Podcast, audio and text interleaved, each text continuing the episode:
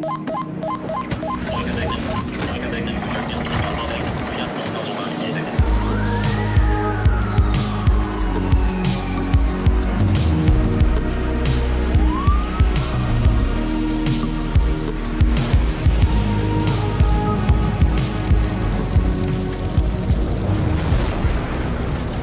Ja, velkommen tilbake til en ny episode av Brannkast. I dag handler episoden om elbiler og utfordringer med dette her. Og I dag har jeg fått med meg min gjest, Rune Viggo Johnsen. Hei og velkommen, Rune. Hei, hei. Ja, hvem er egentlig du? Mitt navn er da, som du sier, Rune Viggo Johnsen. Jeg jobber til daglig som utrykningsleder i TBRT, Trøndelag brann- og redningstjeneste. Um, vært i brann- og redningstjenesten siden 2004. Før det så jobba jeg i Forsvaret, og um, jobber da i dag heltid. Starta som deltid i Stjørdal.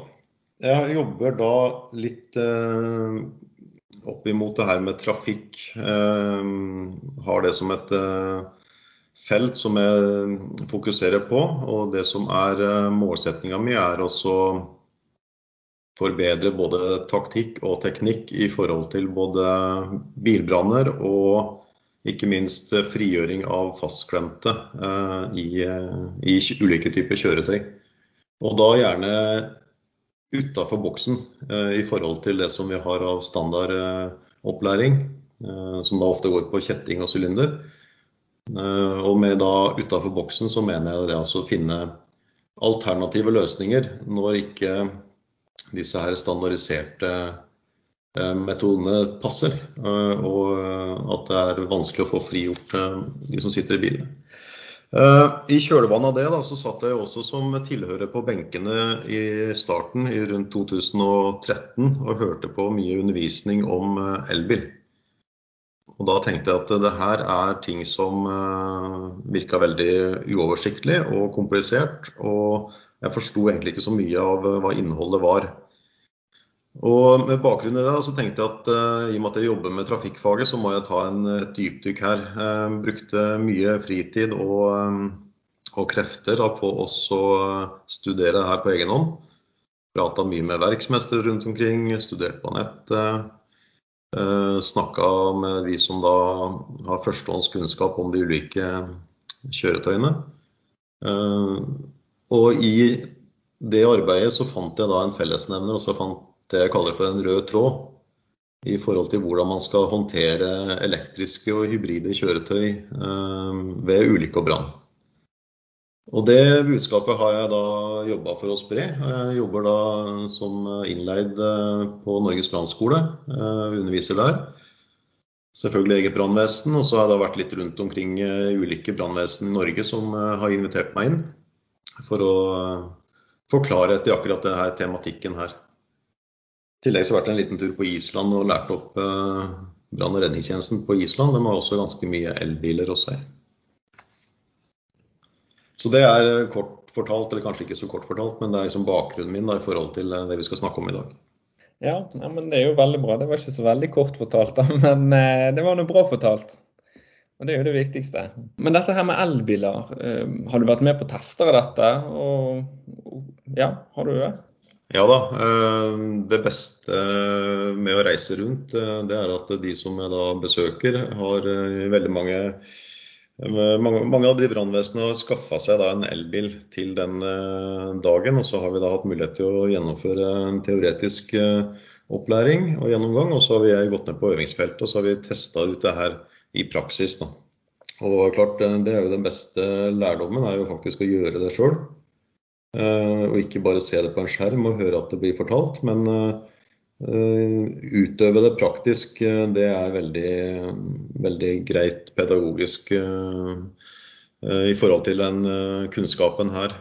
Vært heldig å få tildelt også elbiler fra forsikringsselskap som vi da har gjennomført egne tester på i, i Trondheim. Da. Og Det gjelder både klipping og frigjøring, og det gjelder også brann og brannslukking av batteri som er i brann.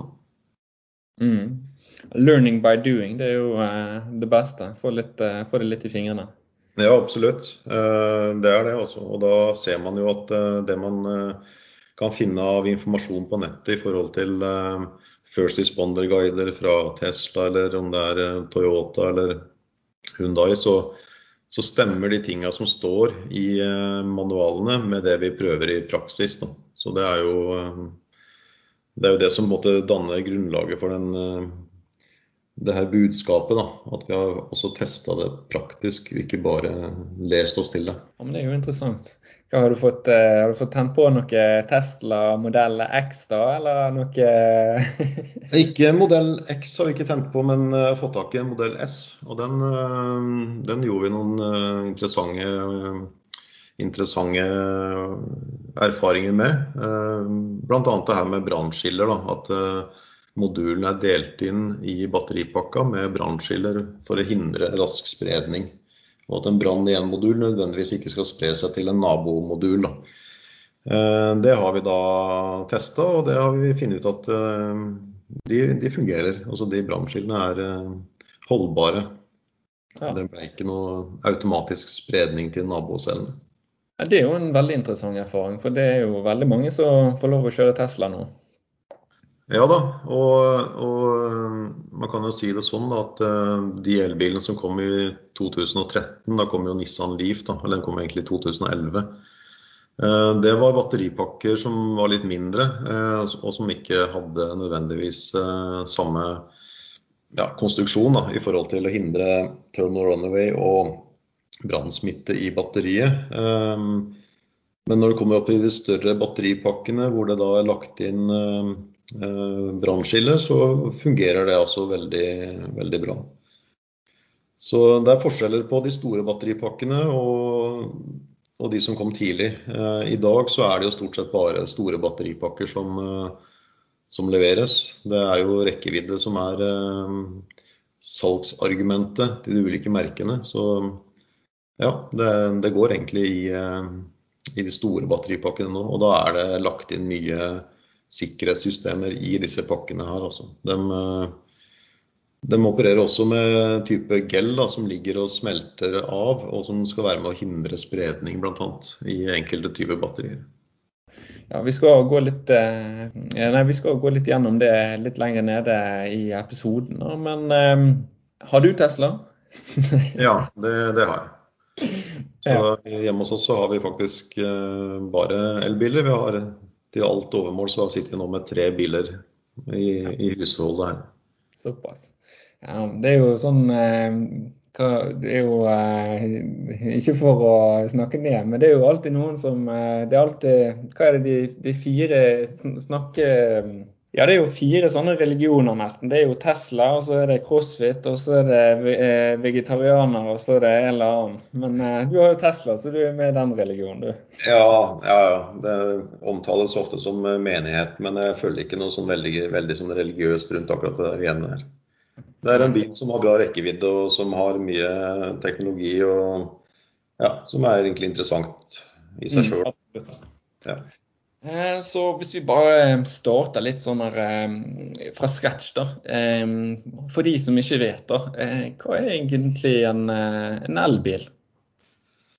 Ja, En elbil er jo kort fortalt en, en bil da, som drives av strøm fra et stort driftsbatteri. Som da leverer strømmen direkte enten til én eller flere motorer i, i kjøretøyet. Oppladbart. Eh, I dag så er jo elbilene primært eh, utstyrt med litium-ion-batteri som tåler gjentatte ladesykluser. Eh, I framtida så kommer det nye batterityper som vi skal se litt på etter hvert i samtalen her. Men det er jo kort fortalt en elbil. Altså det er en enkel konstruksjon. Veldig få bevegelige deler i forhold til en klassisk diesel-bensinbil. Og som har en stor utnyttelsesgrad av strømmen i forhold til framdrift kontra en, eksempelvis en bensinbil da, som bruker 70% av energien sin til å skape varme og 30 til eh, framdrift. Ja, ja, men eh, da har vi den. Da har du elbil. En, eh, en bil som er elektrisk, kort fortalt. men før jeg begynte med research da, til episoden, så virket jo elbil utrolig krevende og ja, egentlig ganske skummelt hvis det skulle ta fyr. Det er jo sånn jeg vet ikke, Det er en liten sånn frykt, da. Eh, kanskje litt unødvendig, kanskje ikke. Um, og det var jo litt derfor jeg hadde lyst til å lage en episode om det. da, For å egentlig skape mer um, trygghet, rett og slett. Uh, for det er jo slik at ja, jo mer trygghet vi har i arbeidet, jo bedre jobber vi. Så nå, um, eller Etter jeg gjorde denne researchen, da, så sitter vi med et annet inntrykk. Men uh, for lytteren sin del, da. Hvordan er det med brann i elbil? Uh, når det gjelder det første du nevner, da, det her med at uh, man kan gjerne føle på en litt sånn usikkerhet, så, så er det en sånn klassisk greie i forhold til mangel på kunnskap. Og, og jeg tror nok det at mange rundt om i Brann-Norge har manglende kunnskap om hva det her egentlig dreier seg om. Og jeg tror også det at når vi får den kunnskapen på plass, eksempelvis gjennom ditt engasjement her nå, gjennom brannkassen, så, så, tror jeg nok det her vil være mer håndterbart eh, i framtida. Eh, det som er i forhold til eh, brann i elbil, det er jo at det har danna seg noen myter rundt det. Altså noen myter om at eh, det er veldig eh, stor fare for brann. Både i forbindelse med kollisjoner eller eh, andre situasjoner.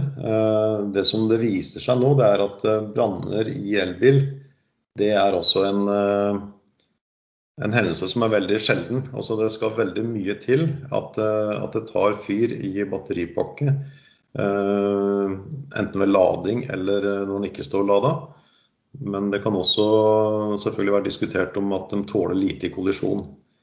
All erfaring nå de siste åra tilbakeviser på mange områder den frykten da, i forhold til at hvis du ser statistisk på da, altså antall kjøretøy i Norge er ca. 5 millioner. Eh, hybride og elektriske kjøretøy rundt 550 000 per dag. Ut ifra tall fra Opplysningsrådet for veitrafikk. Og Setter man de tallene mot hverandre, så, så, kan du selvfølgelig si at ja, det er så få elbiler, derfor så er det så lave tall i forhold til brann. Men uh, statistisk sett, da, med utgangspunkt i total mengde el og andre kjøretøy, så viser det seg at det er veldig lite branner statistisk sett i, i, elektriske kjøretøy og hybride kjøretøy. Så Hvis vi ser på tall fra BRIS, og da i 2020, så viser de at vi hadde registrert 23 eh, branner i elbil i fjor. Vi hadde 15 eh, branner i hybride kjøretøy, og så har vi 1000 branner i bensin- og dieselkjøretøy. Så hyppigheten er eh, lav. Det kan vi i hvert fall se ut ifra statistikken og de, de tallene som vi finner i BRIS og i, den, eh, i den datamaterialet der. Da. når det først tar fyr, da, så, så, er det en, eh, en kjensgjerning, og det tror jeg folk etter hvert har begynt å få et grep på. at eh, Bilen i seg sjøl, altså kupébrann i en elbil, det er ikke noe problematisk. Det er liksom helt uh, enkelt å slokke. Det er samme som å slokke en ordinær eh, bilbrann. Og Så snakker vi også veldig mye om det her med målet med innsatsen. Altså hva er målet? Jo, hvis det er en elbil som brenner, så er målsettinga det at vi skal hindre oppvarming av batteripakka, så at den tar fyr. Det kan selvfølgelig gå andre veien òg, at eh, det er eh, en konstruksjonsfeil, det kan være en teknisk svikt i batteripakka som forårsaker brann i batteriet som en startbrann. Eh, som videre sprer seg til kjøretøyet. Eh, og da blir det på en måte en, eh, kamp mot klokka da, i forhold til å komme til med kjøling. Og når vi skal kjøle og slokke disse batteribrannene, så er det vann i store mengder som er alfa og omega. Og det som jeg sier til folk, er at istedenfor å spyle vann inn i bilen, så spyl heller vann fra undersida og direkte på batteripakka. Da har vi muligheten til å kjøle batteripakka direkte, istedenfor at det blir indirekte gjennom kupégulvet og så ned i batteriet. Så det er, eh, det er, det som er med brann. Og, og, som sagt, det krever mye uh, slokkevann. Det beste middelet er rent vann i store mengder, påført fra undersida. Og det er ikke noe hensikt å kjøpe seg et litium-ion slokkeapparat, for at du kommer altså ikke til batteripakka med et sånt slokkeverktøy. Det ligger innpakka i en stor metallboks, og der vil ikke det skummet som litium-ion slokkeapparat leverer, ha noe virkning i det hele tatt. Det er jo litt interessant. Det er fra undersiden. altså Kommer vi gjennom der da med å spyle under? altså Bør vi begynne å demontere noe, eller er det bare å peise på under? Hvis du, hvis du tar en kikk under en elbil, så, så vil du se batteriet. Det, det vil være montert eh, midt eh, under bilen, eh, fra foraksjel til bakaksjel. og det er i de aller, aller fleste bilene har et synlig batteri som henger ned i dagen. Så Det er derfor det er så lett å komme til, og raskt å kunne kjøle da med, med vann fra undersida. Og I tillegg til det da, så, så, anbefaler jeg at folk da bruker termisk kamera for å se hvor på batteriet er det varmt. Og så at man prioriterer kjøling mot de varme områdene i batteriet. Og hvis det er mulig, så prøv gjerne også å løfte opp bilen litt, så det er lettere å komme til både med kamerabruken og ikke minst med, med slokke, slokkeutstyret. Og i, i kjølvannet av det da, så vil jeg bare nevne en som eh, jeg jobber sammen med, som, eh, som har utvikla et eh, slokkesystem for undersiden av elbilbatteri. Og det er en som heter Henrik Halle Høylo. Han jobber i TBRT og han har laga noe som heter Bluepipe. Et slokkesystem som enkelt kan skyves inn under bilen, og som du kan trykksette og leverer 200 liter i minuttet til direkte slokking mot batteripakkas underside. Da. Så det finnes folk som jobber proaktivt, og som er nysgjerrige og som er ivrige, og som da legger det her inn som en mulig eh, utstyr på brannbilene. Lite, enkelt, snedig, kan pakkes sammen og ta lite plass i, i skapet på brannbilen. Ja, det var jo litt interessant, for jeg tenkte jo umiddelbart å, her var det en skikkelig god idé å, på en oppfinnelse. Det er jo alltid masse brannfolk som kommer med oppfinnelser, da, men eh, det her er jo skikkelig interessant. Ja da, han, eh, Henrik der, han har, jeg snakka jo med han tidlig og, og nevnte det for han, at vi må ha, prøve å finne en eller annen metodikk, et eller annet utstyr som er enkelt å få innunder bilen, og som vi kan, eh, som vi kan trykksette hurtig, og som kan virke kjølende på undersida av batteripakka. Og um, Det har han gjort. Han har utvikla det her. og I tillegg så har han også um, jobber nå med Braco for å finne andre bruksområder for det her Blue Pipe-systemet som, som, han har utvikla. Så all honnør til Henrik for den jobben der. Og det kommer helt sikkert til å være et bra verktøy for framtida når det gjelder slokking av batteribranner på elektriske kjøretøy. Men er det sånn som du bare går på hjul og så skyver den under og Nei, altså Det er rett og slett uh, halvannen tom kobla på en uh, rørkonstruksjon som er, uh, som er, enkel å dytte inn under bilen. Det behøver ikke være hjul på den. Han jobber litt med prototypene, og det er stadig utviklinger ser jeg på det som han legger fram. Men det kommer til å ende opp med et veldig enkelt og, og funksjonelt eh, type verktøy. Det er helt det Ja, spennende. Det, det, må, det, må, jeg undersøke litt mer på. Det, det, for det visste jeg ikke noe om, og det, er spennende. Veldig interessant, rett og slett. Mm. Du har jo litt, litt sånn eh, inne på det, men altså, hvorfor tar det egentlig fyr da i batteriene? Eller hvorfor tar det egentlig tar egentlig batteriet fyr hvis det brenner? Altså Er det en kjemisk reaksjon som skjer? Eh, det, kan, altså det er en rekke årsaker til at det tar, eh, tar fyr. Eh, de få gangene de gjør det. Hvis du tenker deg en kollisjon, da, så har du jo deformasjonssoner foran og bak bilen. Og de som har konstruert bilene, har jo laga disse her batteripakkene sånn at de, de skal, det skal veldig mye til da, før batteripakka blir påvirka etter at deformasjonssonene har eh, jobbet, gjort jobben sin.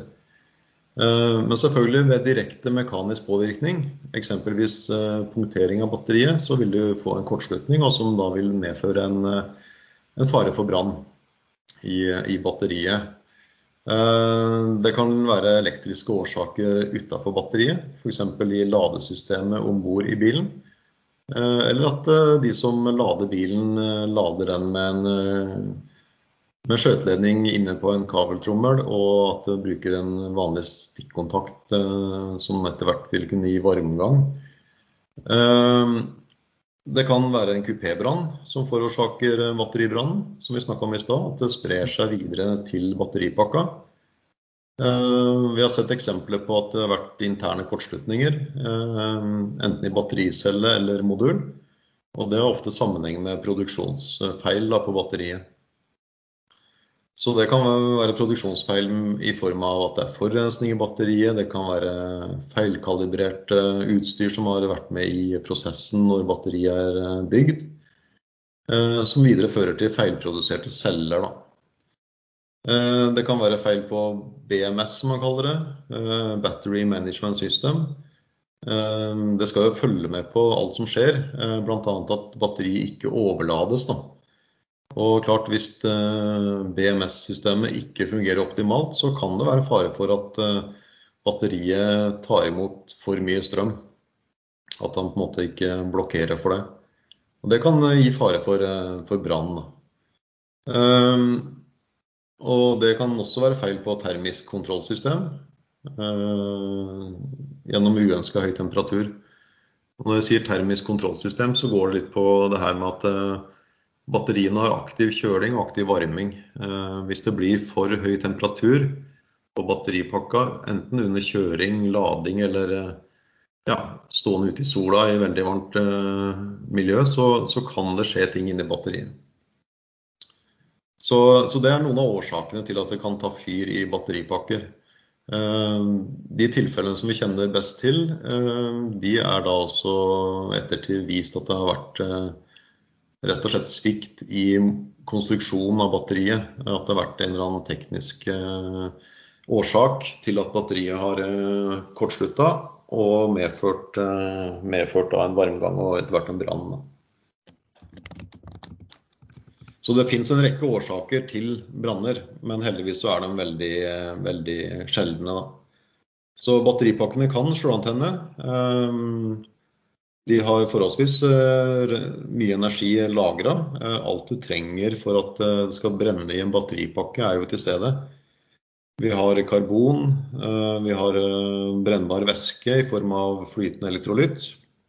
Og når alt det her tar av, så vil den kjemiske prosessen i batteriet faktisk skape sitt eget oksygen.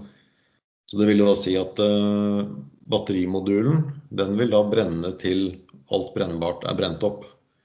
Og min erfaring er at når vi tar en modul, så brenner den mellom 12 og 15 minutter, så er på en måte energien i den modulen tom da. Og da slokker det seg selv. Ja, det er jo litt sånn med thermal runaway, altså det begynner å eh, forsyne seg selv. Ja, altså du har thermal runaway, det vil jo si at du får en kortslutning eller ja, en eller annen årsak da, til at det blir en varmgang i, i batteriet. Og da da vil jo det her på en måte øke temperatur. Og hvis vi da får over 135 grader da, i batteripakka, så vil det kunne spre seg til resten av batteriet fra modul til modul. Da. Og det er der det kommer inn det jeg nevnte innledningsvis i forhold til det her med brannskiller, som skal hindre den kjedereaksjonen da, mellom modulene. Ja, så det er på en måte bygget, det her med brannskiller, det er litt sånn som et ny, nytt moderne hus da, med brannskiller, at du skal tåle så og så mye før det går videre da. Ja, helt korrekt. Mm. Interessant. Men du har jo vært litt inne på det, men altså, hvor mye er det som skal til da for at en elbil brenner? Mye mer enn det vi trodde i starten. Altså, vi trodde at det her kom ikke til å tåle en liten utforkjøring i gang, før det ble bulk og det ble kanskje en krakulering på batteripakka, at den ville direkte antenne. Nå har det vært en rekke hendelser, både større og mindre, i form av kollisjoner, og det viser seg at batteripakkene tåler altså mye mer enn det vi trodde. Det kommer jo av at konstruksjonen av batteripakka er en veldig solid konstruksjon. Det er med kraftige rammer, det er stålkonstruksjon, det er stivt og det er tungt. Og, og det tåler også utrolig mye mekanisk belastning. I tillegg til at det internt i batteriene er overvåkningssystemer som overvåker tilstanden og vil da stenge ned batteriet automatisk hvis det oppdages unormale situasjoner. Da. Ja, ja, men det er jo bra. Men jeg har jo hørt da, at hvis du har vært utenfor en ulykke, da, så kan på en måte elbil da ta fyr i ettertid. da. At det kan begynne på en måte å Ja, altså du, du krasjer, og så går det kanskje 24 timer, 36 timer, og så kan det ta fyr. da. Er det noe du er liksom kjent med, eller? Ja, det er jeg kjent med. Så vi har ikke hatt eh, sånne tilfeller i, i Trondheim, men jeg er kjent eh, med det gjennom litteraturen og det som man, eh, det som man har fått av kunnskap. Og, og, historier går jo tilbake til Chevrolet, da, som har Chevrolet Volt. Dvs. Si samme bilen som selges som Opel Ampera E i Norge. Den ble jo krasjtesta eh, i USA, og den tok jo fyr etter eh, tre dager. Tre dager etter at de gjennomførte krasjtesten, så så tok det batteriet fyr. Så det du er inne på der med at, eh, at eh, batterier som har vært utsatt for eh, mekanisk skade eller påkjenning, de må da stå i karantene. Mm. Det samme gjelder også hvis det har vært et branntilløp i batteriet som man har forhåpentligvis effektivt klart å kjøle ned og hindra spredning, så må også den bilen stå i karantene. Og gjerne flere dager. På et område som er avgrensa, og som ikke er i nærheten av andre brennbare gjenstander, enten kjøretøy eller eh, bygninger. For uh, borte i USA så tok jo faktisk uh, testlaboratoriet fyr, i og med at den bilen sto for nært plassert bygningen. Ja, så det er, det er, viktig å merke seg at de bilene må kalle det fredes, da, stå i karantene uten at det er fare for spredning hvis batteriet skulle ta fyr etter hvert. Da.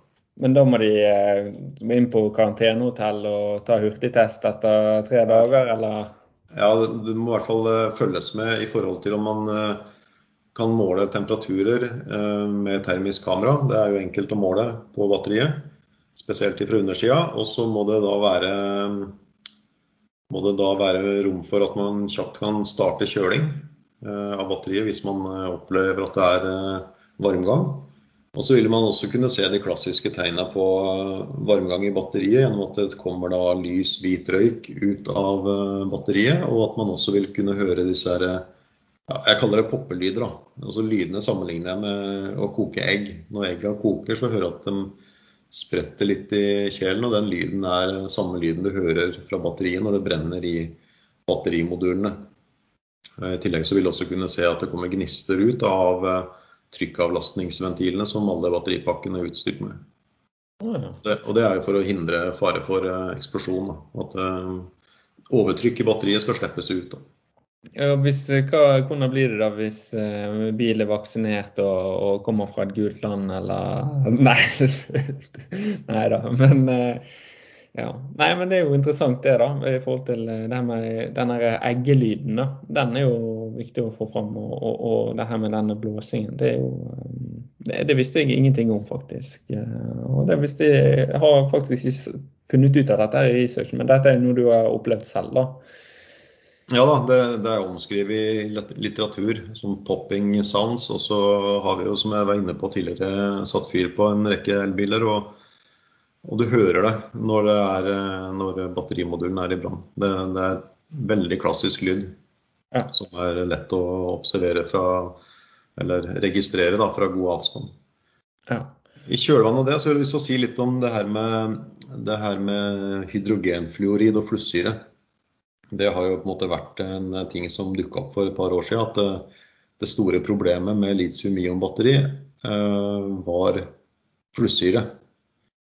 Mm. Og Når man da ser litt inn i litteratur og forskning rundt det, så kan man finne forskningsresultater fra Frankrike, hvor man har gått eh, inn i et laboratorium og, og testa ut det her. da, I forhold til hvor mye hydrogenfluorid slipper da en elbil ut under brann, og kontra en dieselbil. Um, og det her ble gjennomført da i et laboratorium hvor man målte avgassene. og Man ser jo da at uh, alle biler uh, slipper ut hydrogenfluorid. Uh, det kommer ifra interiøret på bilen, det kommer ifra gassen som står i, i uh, aircondition-anlegg.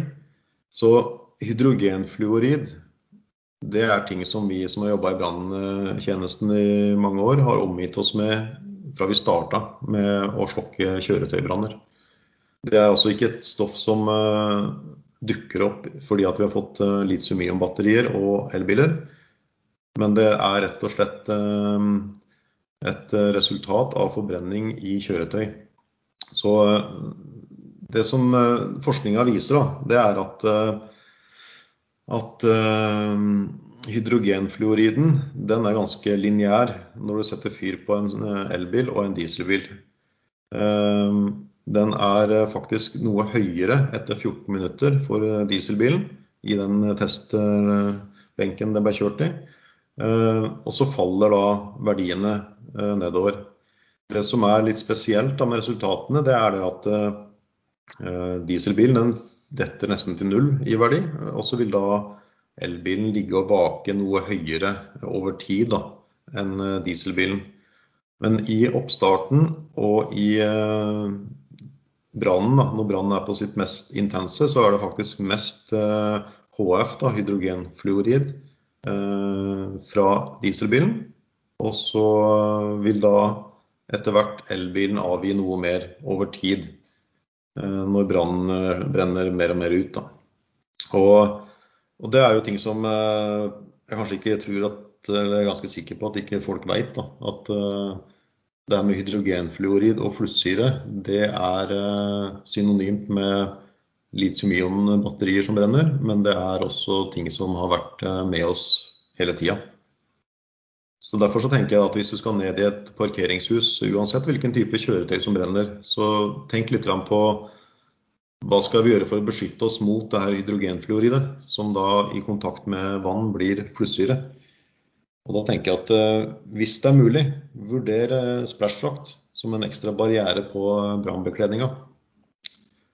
Splashdrakt er jo ikke forenlig med høy temperatur, det forstår vi. Men hvis det ikke er høy temperatur og du skal ned i veldig røykfullt miljø og gjøre en eh, innsats i en parkeringskjeller imot brann i kjøretøy, så tenk i hvert fall tanken. da fordi at hydrogenfluorid er veldig aggressivt. Det trenger gjennom eh, brannmannsbekledninga på ett minutt. Og da er det i kontakt med hud. Og, og, er vi svett og varm, som vi ofte er når vi jobber, så, så vil eh, det her da i kontakt med væske utvikle flussyre. Så, eh, så vær bevisst det, altså. Det vil ikke være store verdier du kan måle, men huden er som en svamp. Den drar til seg alt. og kan vi beskytte oss mot eh, hydrogenfluorid, så gjør vi det. Og jeg tenker at splashdrakt kan være noe vi kan tenke på i forhold til å legge en ekstra barriere eh, i forhold til den gjennomtrengingshastigheten som hydrogenfluoride har på brannmannsbekledninga vår. Eller jeg tenkte jo umiddelbart at med en gang danner, det blir dannet flussyre, så, så, går vi egentlig over til fra røykdykking til kjemikaliedykking, sånn sett. da. Men ja, altså Det er viktig å, å, tenke på da, egen helse. Det er jo ikke bare å kjøre ned og gi gass, liksom. Så um, vi må jo tenke på disse farene av uh, hva, vi, hva kroppen vår absorberer. Da. Det er jo ikke bare bare, egentlig. Og det er jo, med tanke på i hvert fall med kreftfare, det er jo ikke det, er jo ikke det vi fører i oss. Helt, eh, helt, enig. og Det er viktig at vi har, har, med oss i hverdagen. Både når det gjelder branner i kjøretøy og andre typer branner, og uansett hva vi driver med. Mm. Så må vi, må vi, være bevisst på det vi holder på med. Tror nok vi i brann- og redningstjenesten vi må ta det innover oss i større grad enn det kanskje mange andre yrkesgrupper gjør. Mm. Men i hvert fall tilbake til det med batteriene, så er det på en måte ikke et nytt troll som har dukka opp. Det er på en måte noe som har vært der hele tida, men vi har på en måte fått det på agendaen fordi at noen har nevnt det i forbindelse med litium-ion-batterier. Så når det gjelder brann i elbil, så i hvert fall vær våken og bevisst på det med brannrøyk. Det er vi jo på alle typer branner i kjøretøy. Mm. Vær klar over at det utvikles og slippes ut noe mer eh, hydrogenfluorid over tid når elbilbatteriet brenner. opp. Vi må ta vare på hverandre. og det, det, du sier med kreft og sånn så det, det, altså Kreft er jo noe som gjerne tar litt tid og kommer, altså kommer etter tid. Da. Så det er jo viktig uansett hva slags alder du er i og sånn, og uansett hvem det skal være, så må du på en måte beskytte deg på en ordentlig måte. Så det med splæsjdrakt og, og, og i hvert fall uansett ha på pusteluft. Uansett på noe som røyker fra en bil. da det er så viktig å tenke HMS, da. Helt klart. Unngå røyken, bruk pressluft. Om nødvendig så bruk gjerne vifte eller spredt stråle for å styre røyken vekk fra de som gjør slokkeinnsatsen. Mm. Så det er litt du var inne på at vi nærmer oss litt over til sånn type farlig godshendelse. Mm. Vifte på en bilulykke, det er ikke noe jeg automatisk tenker. Men det bør jo kanskje være en del av instruksen da, eh, på en bilbrann? Ja, vi gjør det på laget mitt. Så har vi en, en, et handlingsmønster. altså at Hvis det er mulig, så setter vi på vifta, og så står vi med vifta i ryggen og slokker bilbrannen. Mm. For å hindre eksponering da, mot, mot mannskapet. Mm. Ja. ja du får jo, I tillegg så får du bedre altså, du får jo bedre oversikt når du har litt mindre røyk i trynet. Så det er jo greit å få det fram. Ja, også En annen ting er jo hvis det skulle være en brann i et område hvor det er store luftinntak, f.eks. i kjøpesentre eller sykehus eller andre ting, mm. så ønsker vi ikke denne brannrøyken fra kjøretøy inn uh, i bygningsmasser. Så da kan man jo bruke alt fra spredt stråle for å styre røyken unna luftinntak, eller vifta, da, hvis man også ønsker å gå for den. Mm. Ja, Nei, men det er jo veldig interessant. Det, det, er faktisk ikke noe jeg har tenkt på uh, så veldig mye, men det er noe jeg må i hvert fall ta med i, uh, i ryggsekken av erfaring. Um, så da vil du si at så du vil egentlig si da at elbiler har fått et, et uh, ufortjent dårlig rykte? Det har vært på en måte Du har jo du har de som ikke liker elbiler, og så har du de som er tilhengere av elbiler, og så har du de som er midt imellom, som er uh, likegyldige. Når folk begynner å blande følelser inn i ting, så blir det ofte veldig mange sterke ord og vendinger rundt ting.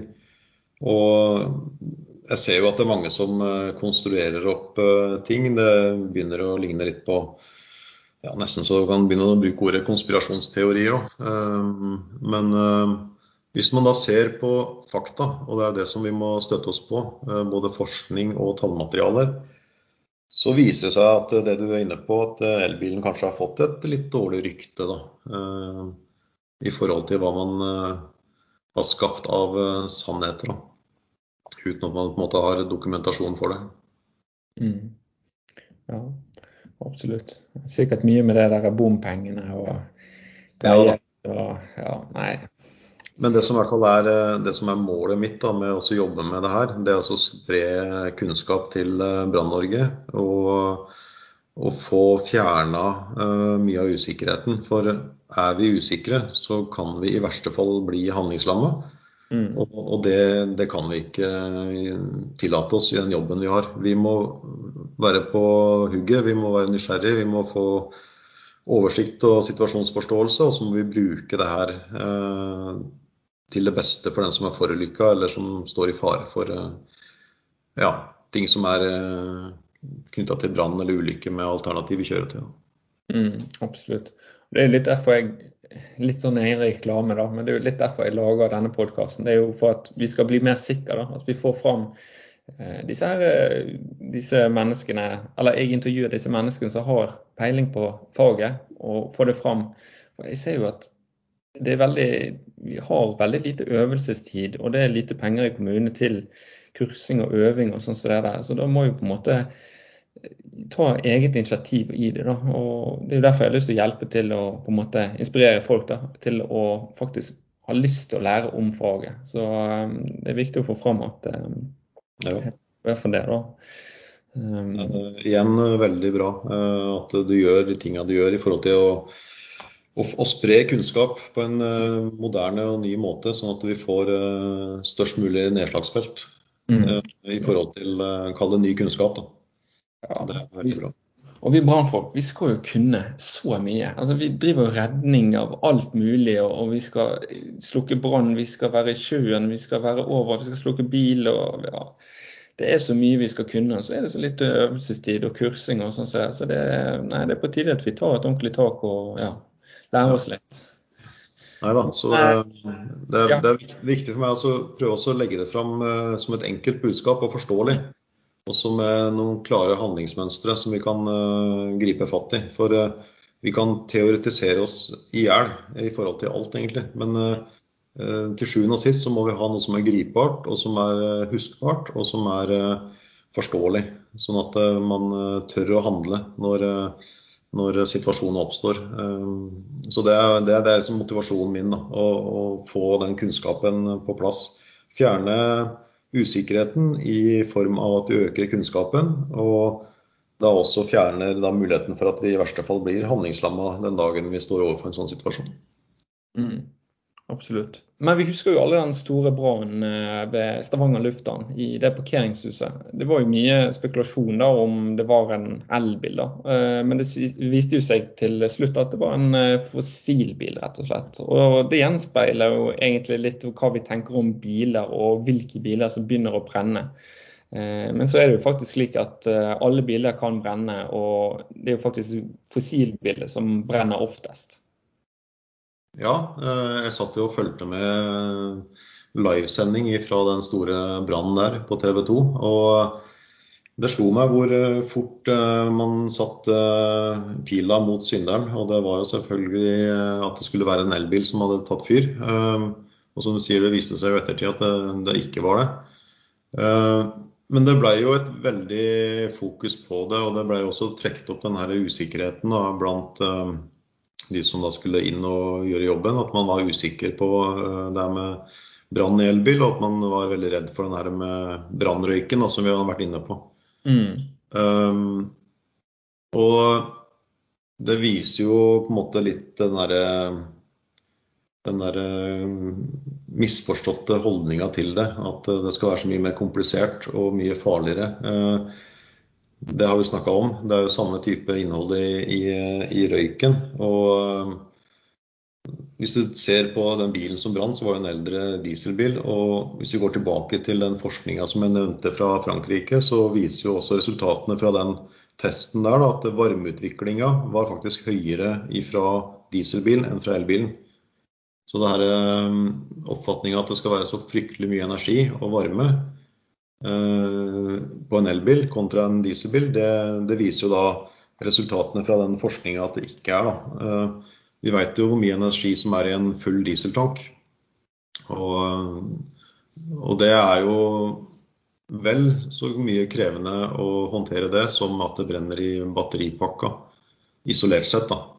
Mm. Um, ja, så det, så det, var, eh, det var en voldsom brann. Eh, den ga jo eh, svikt i bygningskonstruksjoner. Den ga en varmespredning som var vanvittig.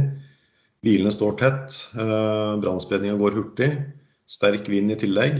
Så der var det jo mange faktorer som var direkte ikke til stede for at man skulle kunne løse det her enkelt. I tillegg så var det jo veldig lang tid, ikke nødvendigvis fra brannvesenet, men fra de som var på stedet. Altså det, det er ingen som gjorde noe. Han som, som eide den bilen som brant, han har etter hva jeg har hørt, da, sendte snapper da, i ti minutter før han ringte brannvesenet. Ja, så. der var det en del faktorer da, som, som, kom veldig uheldig ut i forhold til brannspredninga. Jeg håper ikke at vi har kommet til et samfunn der vi, det første vi gjør når ting går gale, er å snappe istedenfor å ringe nød etter nød. Det er jo eh, Nei, det, det er feil retning. Eksemplene finnes ganske mange. Ja. Det. Til, til, og med at man ikke hjelper forulykka i trafikkulykker, men det er viktigere å dokumentere på Snap eller hva det måtte være for noe. Ja, jeg syns det burde vært eh, veldig, altså, veldig straffbart det, at folk begynner å ta bilder på alt av ulykker og sånn. Så det, ja. Nei, det er skammelig. Få det vekk. Men du Rune, i forhold til det her med lading, er det noen forskjell eh, om det brenner når det lader eller ikke? Forskjellen ligger i, eh, ligger i, årsaken. Eh, vi har vært inne på årsaker til at batteriene kan ta fyr eh, tidligere. Jeg skal ikke gjenta meg sjøl på det. Men hvis bilen står til lading, så, så, vil jo bilen overvåke sin egen situasjon og tilstand. Og Det foregår gjennom det som jeg har nevnt som BMS, altså Battery Management System, som overvåker temperatur og og hvilken type spenning som leveres inn i eh, batteriet. Um, hvis det skal ta fyr, og det er det, det som vi har sett, da, uh, branner i batteripakker under lading forårsakes i de aller fleste tilfellene av at man ikke lader på en godkjent ladeboks.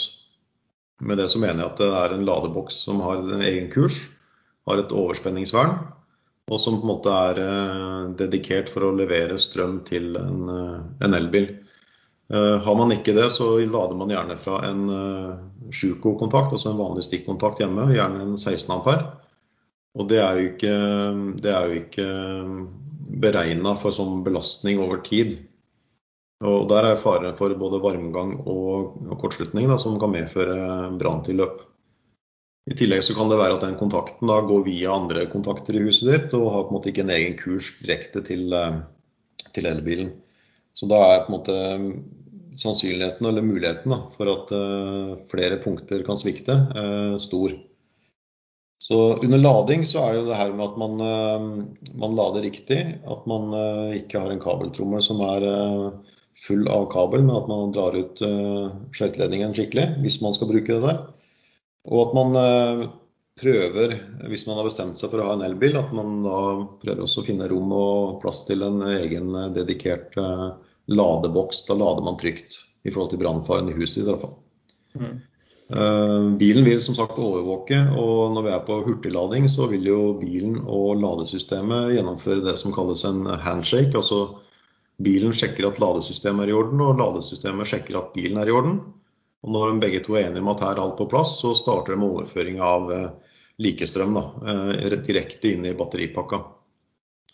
Så eh, det finnes jo nødstoppere på, på hurtigladerstasjoner. Det finnes egentlig ikke noen nødstopper på Tesla sine, men der kan man finne koblingsskapet som er til den stolpen du er kobla til. Og Så kan man da klippe av hengelåsen og åpne skapdøra på den eh, koblingsskapet, så vil du bryte strømmen til den hurtigladeren. Men mye av det her vil skje automatisk. Altså Hvis eh, ladesystemet oppdager eh, feil, hvis bilen oppdager feil i form av f.eks. For sammensmelting av komponenter i, i, sitt system, så vil lading avbrytes.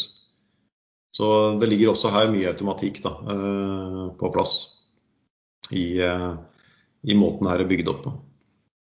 Ja, for jeg har jo faktisk gjort det her, eh, denne lille tabben og begynne å ta stikkontakt fra, fra, fra innsiden av huset og fyrte den inn, inn fra elbil. Da. da var jeg ung, da. Da fikk jeg låne elbil til min mor. og eh, Sikringen røk hele tiden eh, hjemme hos min far, og han ble jo eh, forbanna fordi må ikke la sikringen gå hele tiden. Da.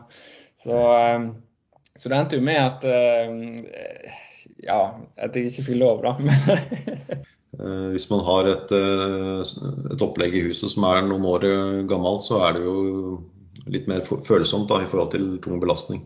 Mm. Så eh, nei, vi, vi, har satt inn en 32 ampers sikring på den kursen som går ut i ladeboksen. og Da er det 7,4 kW som leveres inn i batteriet. Og Det er jo plenty godt nok for for vår eh, lading, i hvert fall eh, i forhold til de tre bilene vi har. Det, det, er trygt og det er sikkert og det er effektivt. Han lader hurtigere enn om du lader på stikkontakten hjemme. Ja, og det høres jo veldig bra ut. Ja. Eh, jeg har jo nevnt det med å sjokke fra undersida, at det er effektivt å, å komme til så har vi jo disse, her, eh, disse karene. altså at Man kan ta hele elbilen og løfte opp med en kran og så slippe ned i et eh, stort eh, kar som da er fylt med vann. Og Det er klart det er jo en veldig effektiv måte å, å kjøle på og slokke på. Det har jo vært tilfeller av det bl.a. i Oslo, hvor man da løfta bilene opp i et containerflak og drukna bilen i vann. Og Hvis vi tenker oss flyfart, altså lufttrafikken. Vi sitter om bord i et fly eh, over Atlanteren. Og så får vi røykutvikling eller eh, varmgang i et eh, batteri, i en PC, laptop, eh, i en telefon. Eh, det, de har jo også litt så mye om batterier, som vi vet. Eh, hva gjør man da? Jo, da, da har man metodikk for det også i et fly. Man tar da og fyller en skuff med med vann, og så drukner man da PC-en og, og, telefonen direkte i det karet. På samme vis som uh, enkelte brannvesen også gjør med, med elbilene, at man drukner dem rett og slett i, i vann. Og det, det, vil jo være veldig effektivt i forhold til, til kjøling. Da. Og så ser vi også det at uh, det er noen uh, nede i Tyskland som har prøvd seg på både skjærslokker og, og andre metoder da, for å få vann inn i batteriet. Og det er klart, eh, hvis du leser First Responder-guidene, så, så, advares det mot å skjære i stykker batteriet eller å stikke ting inn i batteriet for å få uh, slokka det. Um, det er klare føringer på fra de store produsentene. Hvorfor det? Jo, fordi det har jo med strøm å gjøre. Så hvis du tar en slokkespiker da, og slår den inn i batteripakka og er så uheldig at du treffer eh, samleskinna for alle modulene, så er jo faren for eh, at du får strøm i deg ganske overveiende. Så Derfor så ønsker man ikke at man skal stikke ting inn i batteriet. Eh, det går på kjøling, og det går på drukning. En som heter for Brooke Archer, han jobber for eh, Tesla i, eh, i USA. og Han har også laga mye instruksjonsfilmer rundt det her med, med, elbil. Både på det med klipping og med brann. Og han har jeg kontakt med, og jeg sendte da et spørsmål over til han i forhold til det med skjærslokker da, eh, på batteripakker. Og Der sier han jo det at det vil jo slokke og kjøle den modulen du treffer med skjærslokkeren. Men eh, problemet vil være at du vil da spre forurensa slokkevann over de andre modulene som ikke har vært i brann. Og det er jo vann som da inneholder forurensning. Og at den forurensninga da kan medføre kortslutninger og uheldige reaksjoner da, i de modulene som ikke har vært involvert i, i brannen. Så med tanke på det vi snakka om at eh, fare for retenning, så er det på en måte et av argumentene hans. at vi ikke ønsker å spre forurensa vann rundt i den delen av batteriet som ikke har vært i brann. Nettopp fordi det kan være fare for eh, at det her kortslutter og, og forårsaker varmgang igjen da, eh, i et seinere tidsløp. Så, så, det går på de tinga som vi har vært inne på med å kjøle fra undersida. Eh, har du det her store karet og den store kranbilen, så drukner bilen oppi der. Er det muligheter for oss å få den ut i sjøen, kan man godt gjøre det. Et annet alternativ er jo å la den brenne ut. Altså, du kan jo bare si det at nå er det så voldsom brann her at vi lar den bare brenne tom. Og så får den bare holde på å rasere med det her i en, en tid, og så er jo all energien uh, borte. Da er på en måte det som er av brennbart materiale eller energi for brann, uh, fjerna fra batteriet ved at den får brenne det ut. Da. Så det er også et alternativ da, til, til, det her. Når det gjelder slokketeppet, så syns jeg det er et, eh, et bra, bra, grep. Eh, et slokketeppe det vil veldig effektivt kvele en kupébrann. Det vil veldig effektivt kunne hindre røykspredning, og den røyken har vi snakka om. Eh, den vil ikke ha noe kjølende virkning direkte på batteripakka. Men du vil hindre i et tidlig fase at den kupébrannen varmer opp batteripakka. Eh, som igjen vil gi en brann, eller kunne gi en brann. Så jeg syns eh, disse her slokketeppene de, eh, de, virker veldig bra. Flere ting med det. Det er primært røykspredning. Hindrer den veldig effektivt. Og at vi får slokka hvert kupébrannen før batteriet da eventuelt blir for varmt. Da.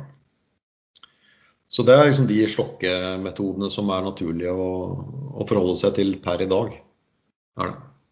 Ja, en slags eh, Det optimale bør kanskje vært en kombinasjon av alle. Slukke, eh, nei, teppe og så slukking fra undersiden, eller kjøling fra undersiden på batteriet.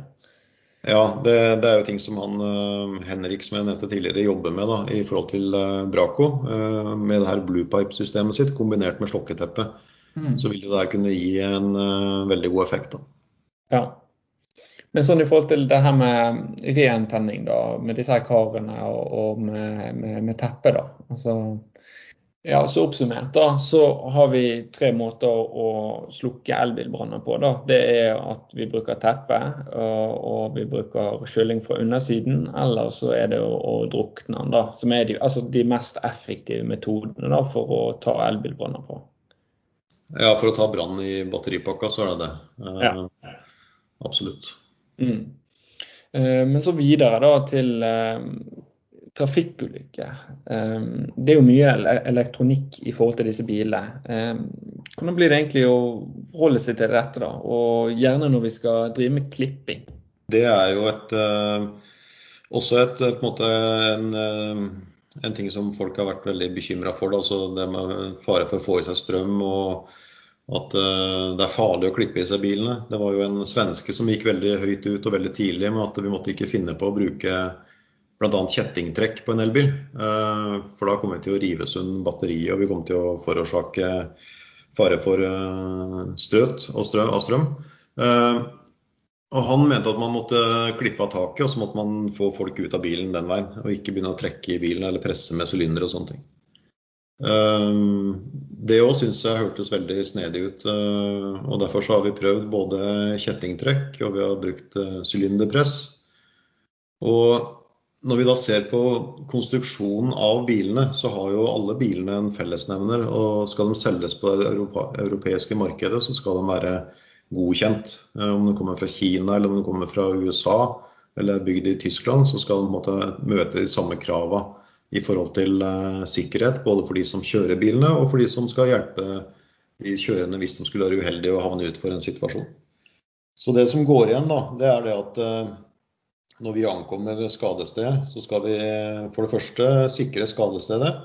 Og vi skal da sikre oss sjøl på den måten at vi ikke går foran eller bak bilen.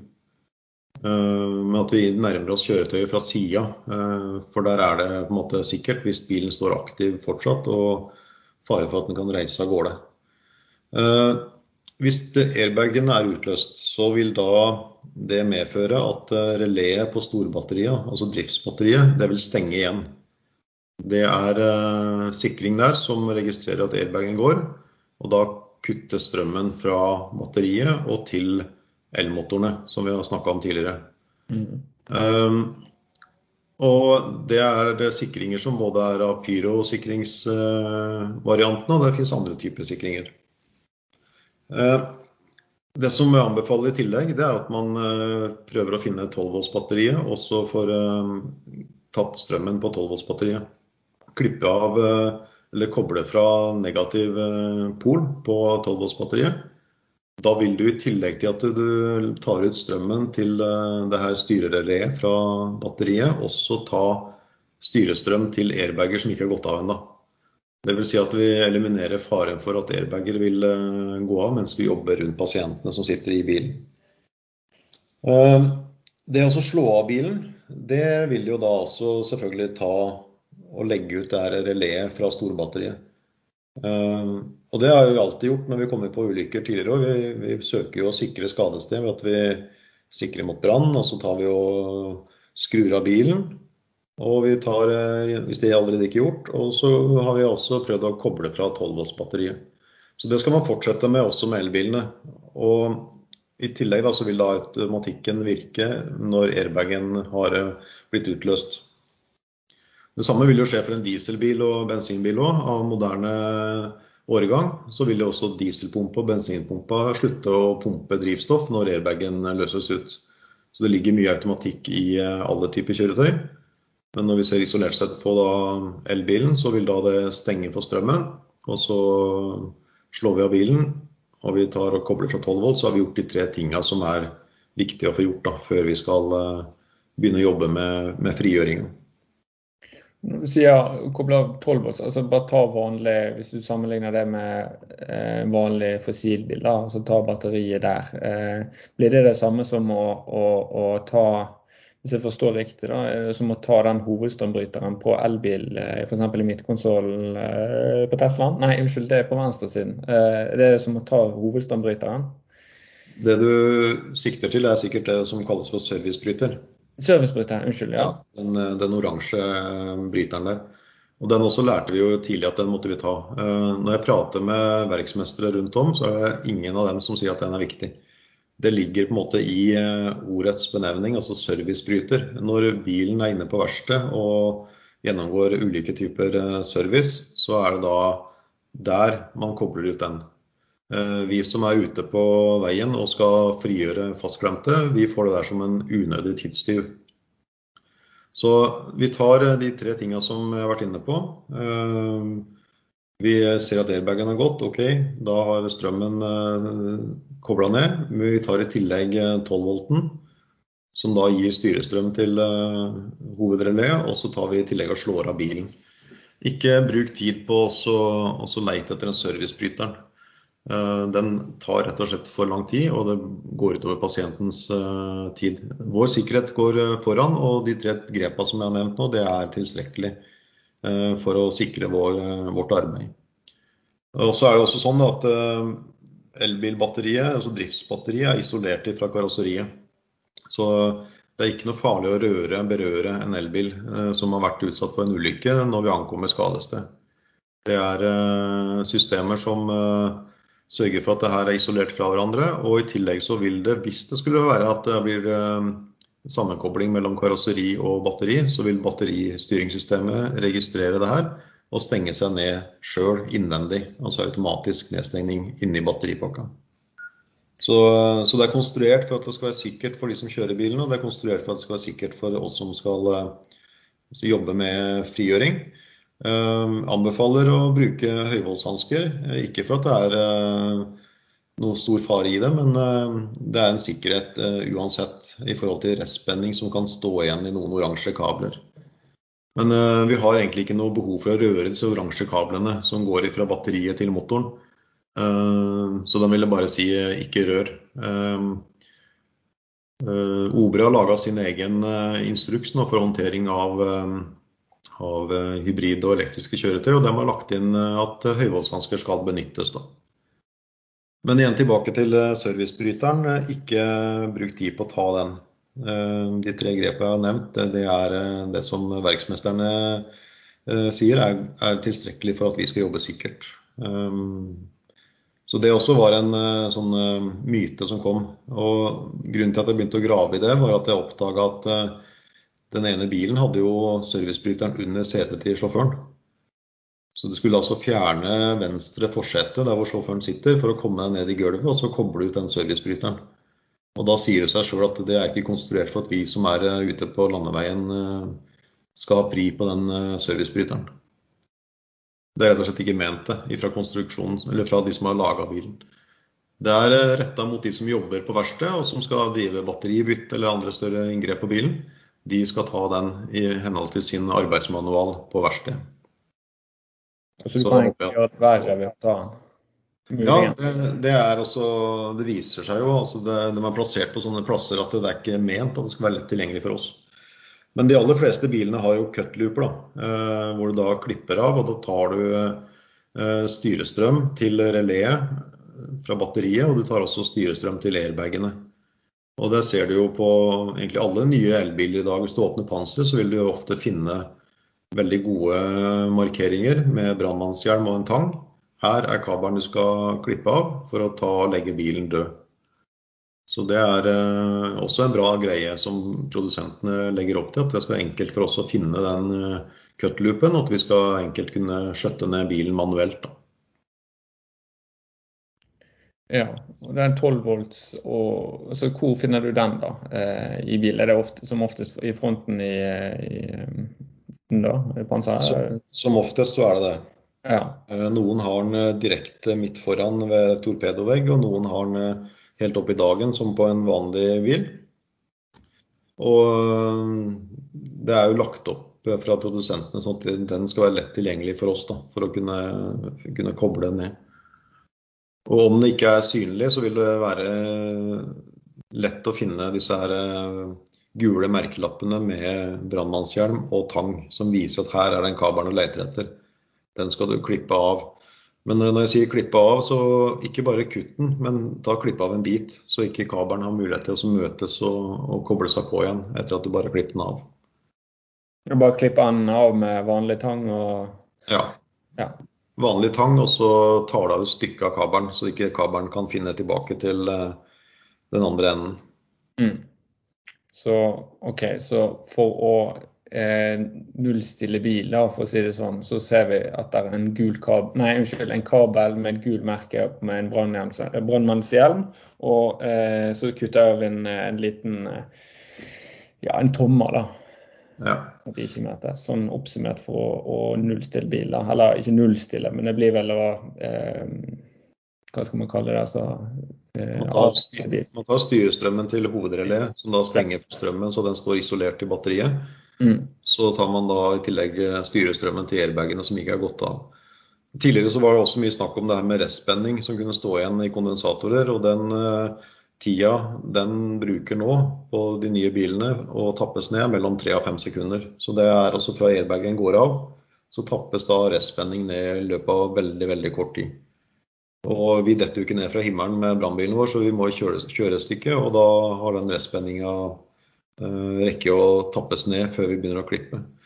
Når det gjelder klippinga videre, så er det jo sånn at de aller, aller fleste bilene Det er kun to unntak som vi har, eh, har i dag. Det er Tesla modell S og X. Eh, de har kablinga i høyre kanal. Eh, alle andre biler som jeg kikka på, har kablinga i senter. Dvs. Si at de oransje kablene er langt unna der hvor vi setter saksa vår i forhold til å klippe og klargjøre for f.eks. et kjettingtrekk.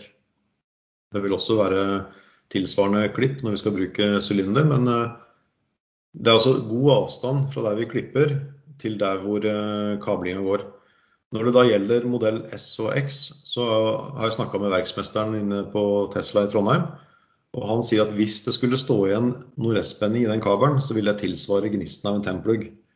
Og når vi da bruker eh, klippeverktøyet vårt, så vil jo strømmen gå korteste vei. Eh, og det vil da ikke ramme oss i, eh, i det hele tatt om vi klipper av den kabelen med noe restspenning i. Så det er også en bra greie da, at man har lagt strømførende kabler i senter, og at man da har muligheten for å gjøre egentlig de samme tiltakene som på en vanlig, en vanlig bil. Da. Både i forhold til å gjøre klart for eh, kjettingtrekk, sylinderpress og legge ned B-stolpe osv. for å få pasienter eh, skånsomt ut av kjøretøyet. Eh, Det er én ting som vi skal være klar over, og det er at når vi skal klippe i, i A-stolpen, så klipp i A-stolpen, ikke klipp i kanalen. Eh, For hvis du da har en saks med lange kjefter på, så kan du i verste fall nå så langt inn på gulvet at du får tak i enden av batteriet. Og når du klipper hull i batteriet, så kortslutter det, og så vil du få, vil du da få en, eh, en eh, brann. Så klipp der vi har lært å klippe, eh, nederst på A-stolpen, ikke i kanalen. Og vi, har, vi har gjennomført uh, klipp og vi har gjennomført uh, trekk, og bilen oppfører, oppfører seg veldig altså helt likt som alle andre biler som vi øver på og trener på. Um, det som er verdt å merke seg, at hvis du skal bruke sylinderpress på en elbil, så husk på at du skoler godt innunder kanalen, så at du ikke får uh, et press nedover og bøyer på batteriet. Det kan være uheldig. Så sørg for at kanalen holder seg stabil. Så er det også der fullt mulig å bruke sylinder for å presse fram eh, dashbordet.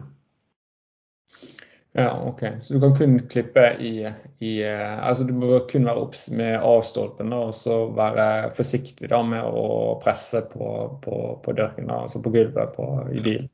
Ja. Det er korrekt. Så um, utover det så er det C-stolpen er fint å klippe i og Ja da.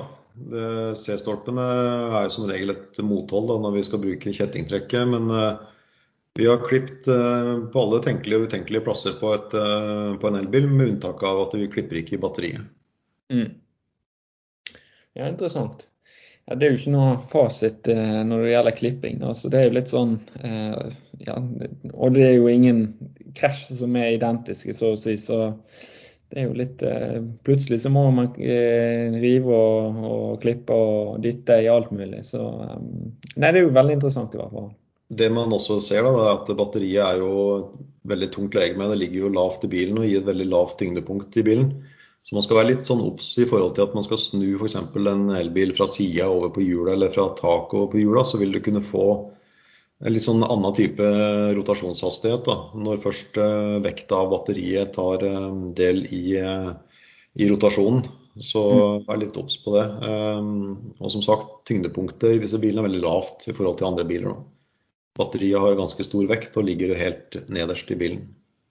Så hvis du skal snu det, så, så bør du ta det veldig skånsomt. Ja, prøv å tenke i hvert fall på at det har en litt annen type vektfordeling, da. Ja. Eh, men er det noe annet som er farlig, da? Eh, når du skal klippe altså, Nei, altså, som jeg, som jeg sier, altså Batteriet er en veldig solid konstruksjon. Da. Altså, Litium-ion-batteriet er jo innbygd i en veldig kraftig stålramme. Og det skal veldig mye til da, at, eh, at du ser deformasjon på disse stålrammene.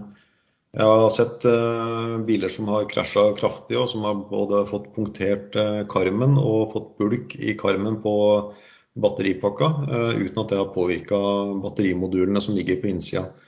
Så, så selve konstruksjonen er jo noe av det sterkeste som er på bilen, er jo selve batteripakka. I tillegg til at den ligger lavt, da, så vil jo en sidepåkjørsel eksempelvis, da, anslaget der vil jo gå over batteripakka. I og med at fronten på bilen som treffer deg sideveis, den vil da slå inn døra og ikke slå inn dørken da, eh, nødvendigvis. Og det da eh, viser seg at eh, sjøl etter kraftige sidekollisjoner, så er batteripakka helt lik seg sjøl, så den er ikke blitt deformert i det hele tatt. Kommer bilen seilende sidelengs og treffer en telefonstolpe eller et annet hardt objekt og bøyer seg rundt, så vil selvfølgelig batteripakka kunne få deformasjoner. Men der også finnes det jo uh, eksempler på at uh, biler er blitt bøyd som en banan uten at uh, batteriet har vist tegn til verken varmgang eller røykutvikling. Så igjen så er, det, så er det jo det her med at de tåler mye mer enn det vi har trodd, i hvert fall i starten. Er de mer beskyttet enn oss som sitter i den? Eh, ja, altså det er, det er, vi er godt beskytta, vi òg. Men eh, i hvert fall det her med selve konstruksjonen av batteripakka, den er eh, gjennomtenkt. Og den er uh, veldig solid. Den skal utrolig mye til før du greier å bøye sånn batteripakke. Altså. Ja. Så Nei da, så batteriene de tåler mye mer enn det vi, det vi, trodde. Og som jeg var inne på tidligere, det her med deformasjonssonene i bilen, både foran og bak, det demper jo da energien før det treffer inn mot batteripakka. Da. Mm. Men du var, jo, du var, jo, litt inne på det i sted, det her med støt fra batteriet og sånn som det. Men er, er, det mye som er på en måte strømførende på biler, altså i forhold til kroppen og interiør og sånn? Det er vel ikke så, så mye? Eh, som ja, altså, bilen drives jo av uh, storbatterier, som vi har vært inne på. Så er det jo et 12 volt-system. Uh, hvor da likestrøm fra batteriet uh, omformes til vekselstrøm. Og, og, gires da ned til 12 volt, da, som driver alt inni bilen. Av instrumenter og skjermer og klimaanlegg og alt det her. men som jeg har vært også inne på, bilen er altså det er isolert da, fra hverandre. Det som er karosseri og det som er et driftssystem, det er isolert fra hverandre. Eh, så det skal ikke overføre strøm eller spenning da, til karosseriet eh, ved en, eh, en, sånn hendelse. Batteristyringssystemet vil jo overvåke det her. Og det, hvis det vil bli en kortslutning og registreres det, så stenger da batteriet helt for, for uh, muligheten for å levere strøm ved at den faktisk uh, kobler pluss og minus, eller ikke pluss og minus, da, men kobler seg ned da, uh, innvendig. Mm. Det bryter rett og slett eh, kjeden da, av energi ute til de oransje kablene. Ja. Men Rune, hvordan kjenner man egentlig igjen en, da, en elbil? Ja, Når vi kommer fram, enten om det er brann eller ulykke, da, så har vi jo disse klassiske bokstavkombinasjonene på, på reg-nummeret. Det starter jo med EL, og nå er man jo på EC, og så er det en del bokstavkombinasjoner imellom der. Det som vi skal være klar over, at det er jo på en måte et enkelt kjennetegn på at det her er en eh, elektrisk drevet eh, bil. Ehm, men vær også klar over det at eh, det er fullt mulig å få ordinære regnummer på en elbil. Og det finnes i overkant av ca. Ja, 1100 biler i Norge per i dag som kjører rundt på ordinære registreringsskilter. Så ikke se dere blindt på at uh, det ikke står EL, EK, EV, EB osv.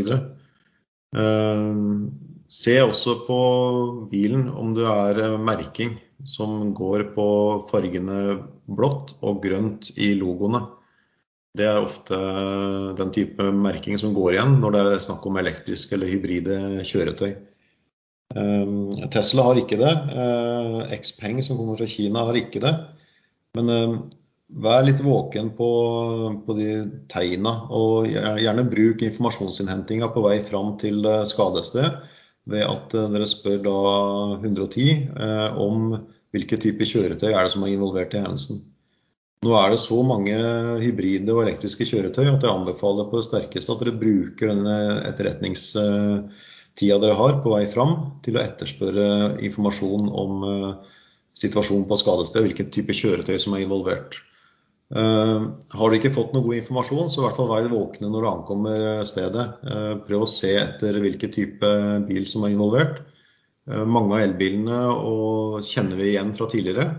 Men vær også klar over at spesielt nå i 2021 så kommer det ca. 20 nye modeller ut på norske veier som er rene elbiler.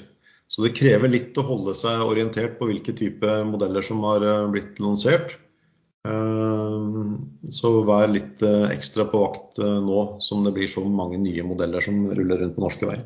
Jeg trodde de måtte ha sånn skilting på EBI, EK osv. osv. Men ja, Nei, det er jo interessant. Men jeg er jo litt sånn spent. Hva gjør man egentlig hvis man ser at elbil er i, eh, i vannet? Kan man hoppe uti i sjøen? Det kan du gjøre. Og, og, det er jo sikkert mange som tenker at det, det går ikke. For eh, vi vet jo det med at vann leder strøm så enkelt og så videre. Um, det er egentlig bare å gå inn på First Responder-guiden til Tesla og egentlig en rekke av de andre produsentene. Så kan dere se hva de eh, skriver da i forhold til at eh, bilen er i vann. Og, og Det er altså ikke noe fare med å gå ut eh, i, i vannet og jobbe rundt en elbil.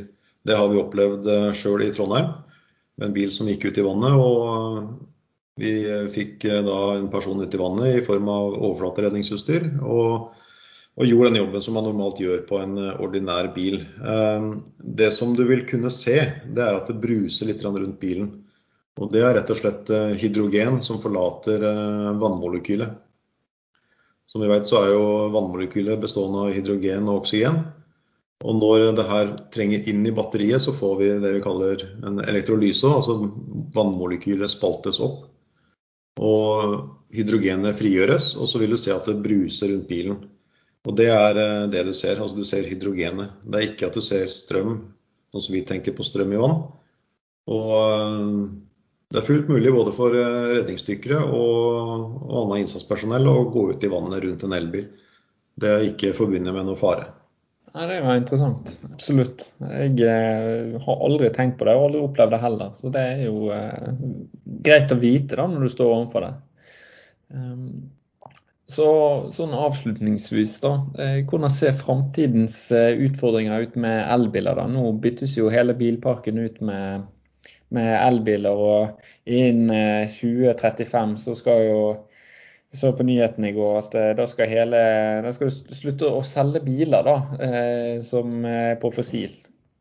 Ja, jeg leste det samme sjøl nå fra fra EU at de har bestemt seg for det. Ehm, det er andre som har bestemt seg for det òg. Ehm, Volvo sier at i 2025 så vil det ikke bli produsert rene, eh, unnskyld, rene bensin- eller dieselbiler fra Volvo. Da vil det enten være rene elektriske eller eh, hybride kjøretøy. Ehm, og Da vil jeg bare skyte inn det og at eh, alt det vi har snakka om i forhold til elbiler nå, det samme gjelder jo for hybride kjøretøy. Altså det er samme systemene, bare at det er mindre batteripakker. Da, bare så det er nevnt. Eh, Framtidas elbilbatterier vil være mye fredeligere. De kommer til å være mye mer eh, tolerante. De vil tåle mye mer temperatur før de tar fyr. De vil komme til å tåle direkte punktering uten at de tar fyr. Eh, de vil komme til å bære mye mer energi fordi at eh, batteriene kommer til å bli bygd på en uh, ny måte. Uh, de vil komme til å mangle den saltelektrolytten som vi har i litium-ion-batteriene i dag. Da fjerner vi det brennbare materialet som er litium-ion-batteri. Det vil bli erstatta med type faststoff-batterier, som da har mye mindre brannfare ved seg. I tillegg så jobbes det nå med en teknologi som heter for Blade-batterier. Altså at man lager eh, battericellene som ja, Du kan enkelt si det som at det ser ut som et sverd. Da. Bladet på et sverd. Det medfører at du kan få flere battericeller i en batteripakke. Den tåler direkte punktering uten at den blir varm. Så det jobbes steinhardt i forhold til eh, utvikling av nye batterier. Så det som vi har snakka om i dag, det er på en måte retta inn mot eh, litium-ion-batteri, som er virkeligheten vår akkurat nå. Men eh, sånn som Xpeng og disse kinesiske merkene nå, de satser knallhardt på Blade-teknologi. Og de jobber også steinhardt i forhold til faststoffbatterier. Det gjør også Toyota. Så om noen år så vil elbilene være utstyrt med batteripakker som er mye fredeligere enn litium-ion-batteriene som vi kjenner til i dag. Så det er framtida den veien her kommer til å gå. Den kommer til å få mye raskere ladehastighet. Den kommer til å bære mye mer energi. Den kommer til å være mye lettere enn dagens litium-ion-batterier. Og det vil gi større rekkevidde og hurtigere ladning. Sånn at eh, det er den veien eh, det her utvikler seg. Og ikke minst det vil være mye mindre brannfarlige, de ja. batteriene som kommer i framtida. Ja, men det høres jo det høres egentlig veldig bra ut. Det ser jo lovende ut. Ja, absolutt. Og det her er jo altså Hele verdenssamfunnet har behov for stadig mer batterikraft. Det er jo det det går på. og det som man jobber med nå, er å finne teknologi da, som tillater den gjentatte ladesyklusen da, som litium-ion-batteri tåler så bra eh, per i dag. Eh, men det jobbes da med, med akkurat det her. Altså finne de stoffene som, som, tillater gjentatte oppladinger og utladinger. Og så er det en del eh, råstoffer som er kostbare eh, i produksjon av litium-ion. Og de råstoffene prøver man altså gå utenom, da, så at man kan produsere batteripakkene billigere.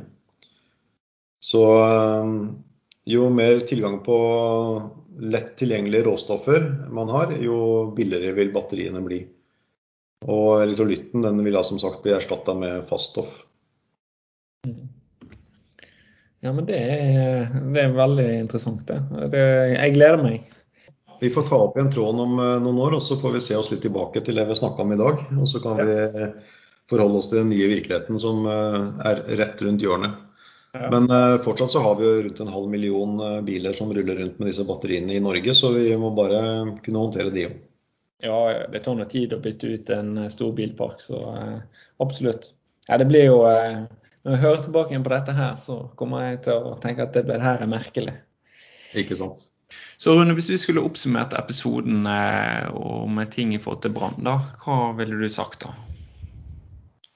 Ja, Når vi har uh, gått gjennom det vi har snakka om, så tenkte jeg at uh, avslutningsvis så vil jeg bare si litt om de punktene som er viktigst, og på en måte oppsummere det som vi har vært gjennom.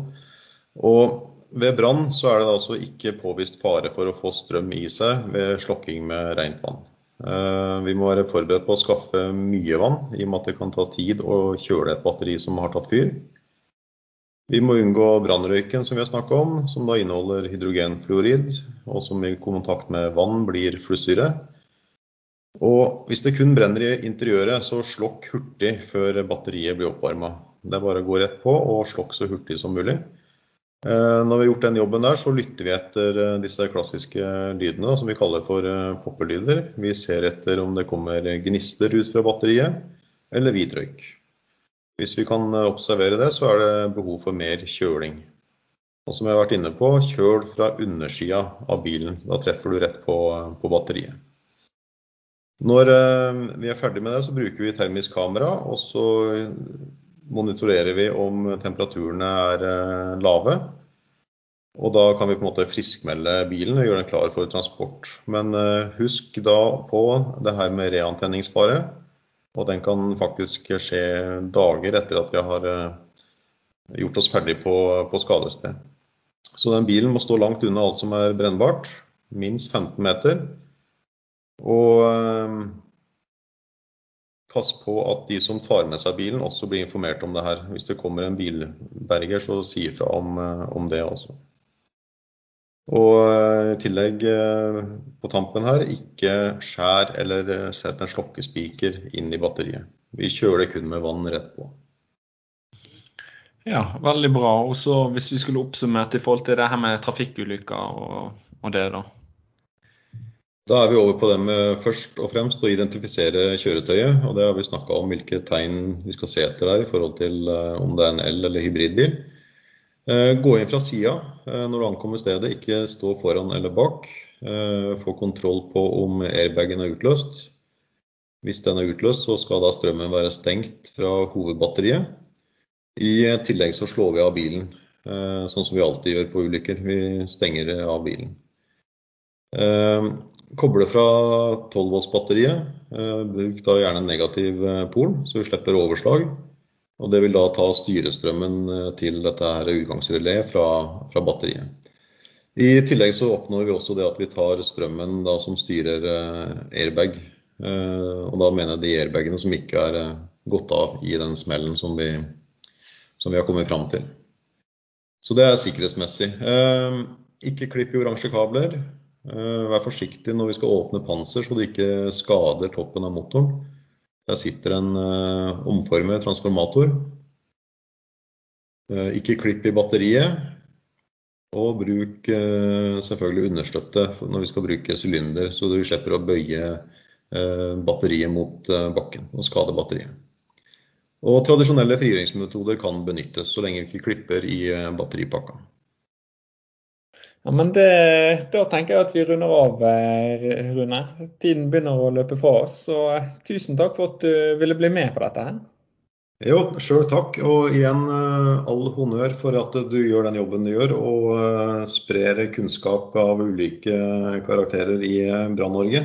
Det her er veien å gå. så at det her må du bare fortsette med. og Jeg er veldig glad for at jeg fikk muligheten til å komme hit i dag og, og snakke med deg om om det her med elbil, og at det her spres ut til, eh, til Brann-Norge.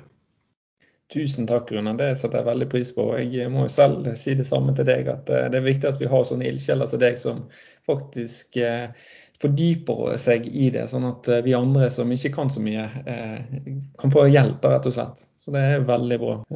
Lært veldig mye av denne episoden, og det er jo et veldig viktig tema å snakke om. Og jeg vil jo bare si at Hvis det er noen som er nysgjerrig på elbiler, så må de gjerne ta kontakt med deg. Det skal de bare gjøre. Jeg stiller gjerne opp og kommer rundt og tar en prat om det her. Ja, veldig bra. Yes, da runder vi av. Vi høres.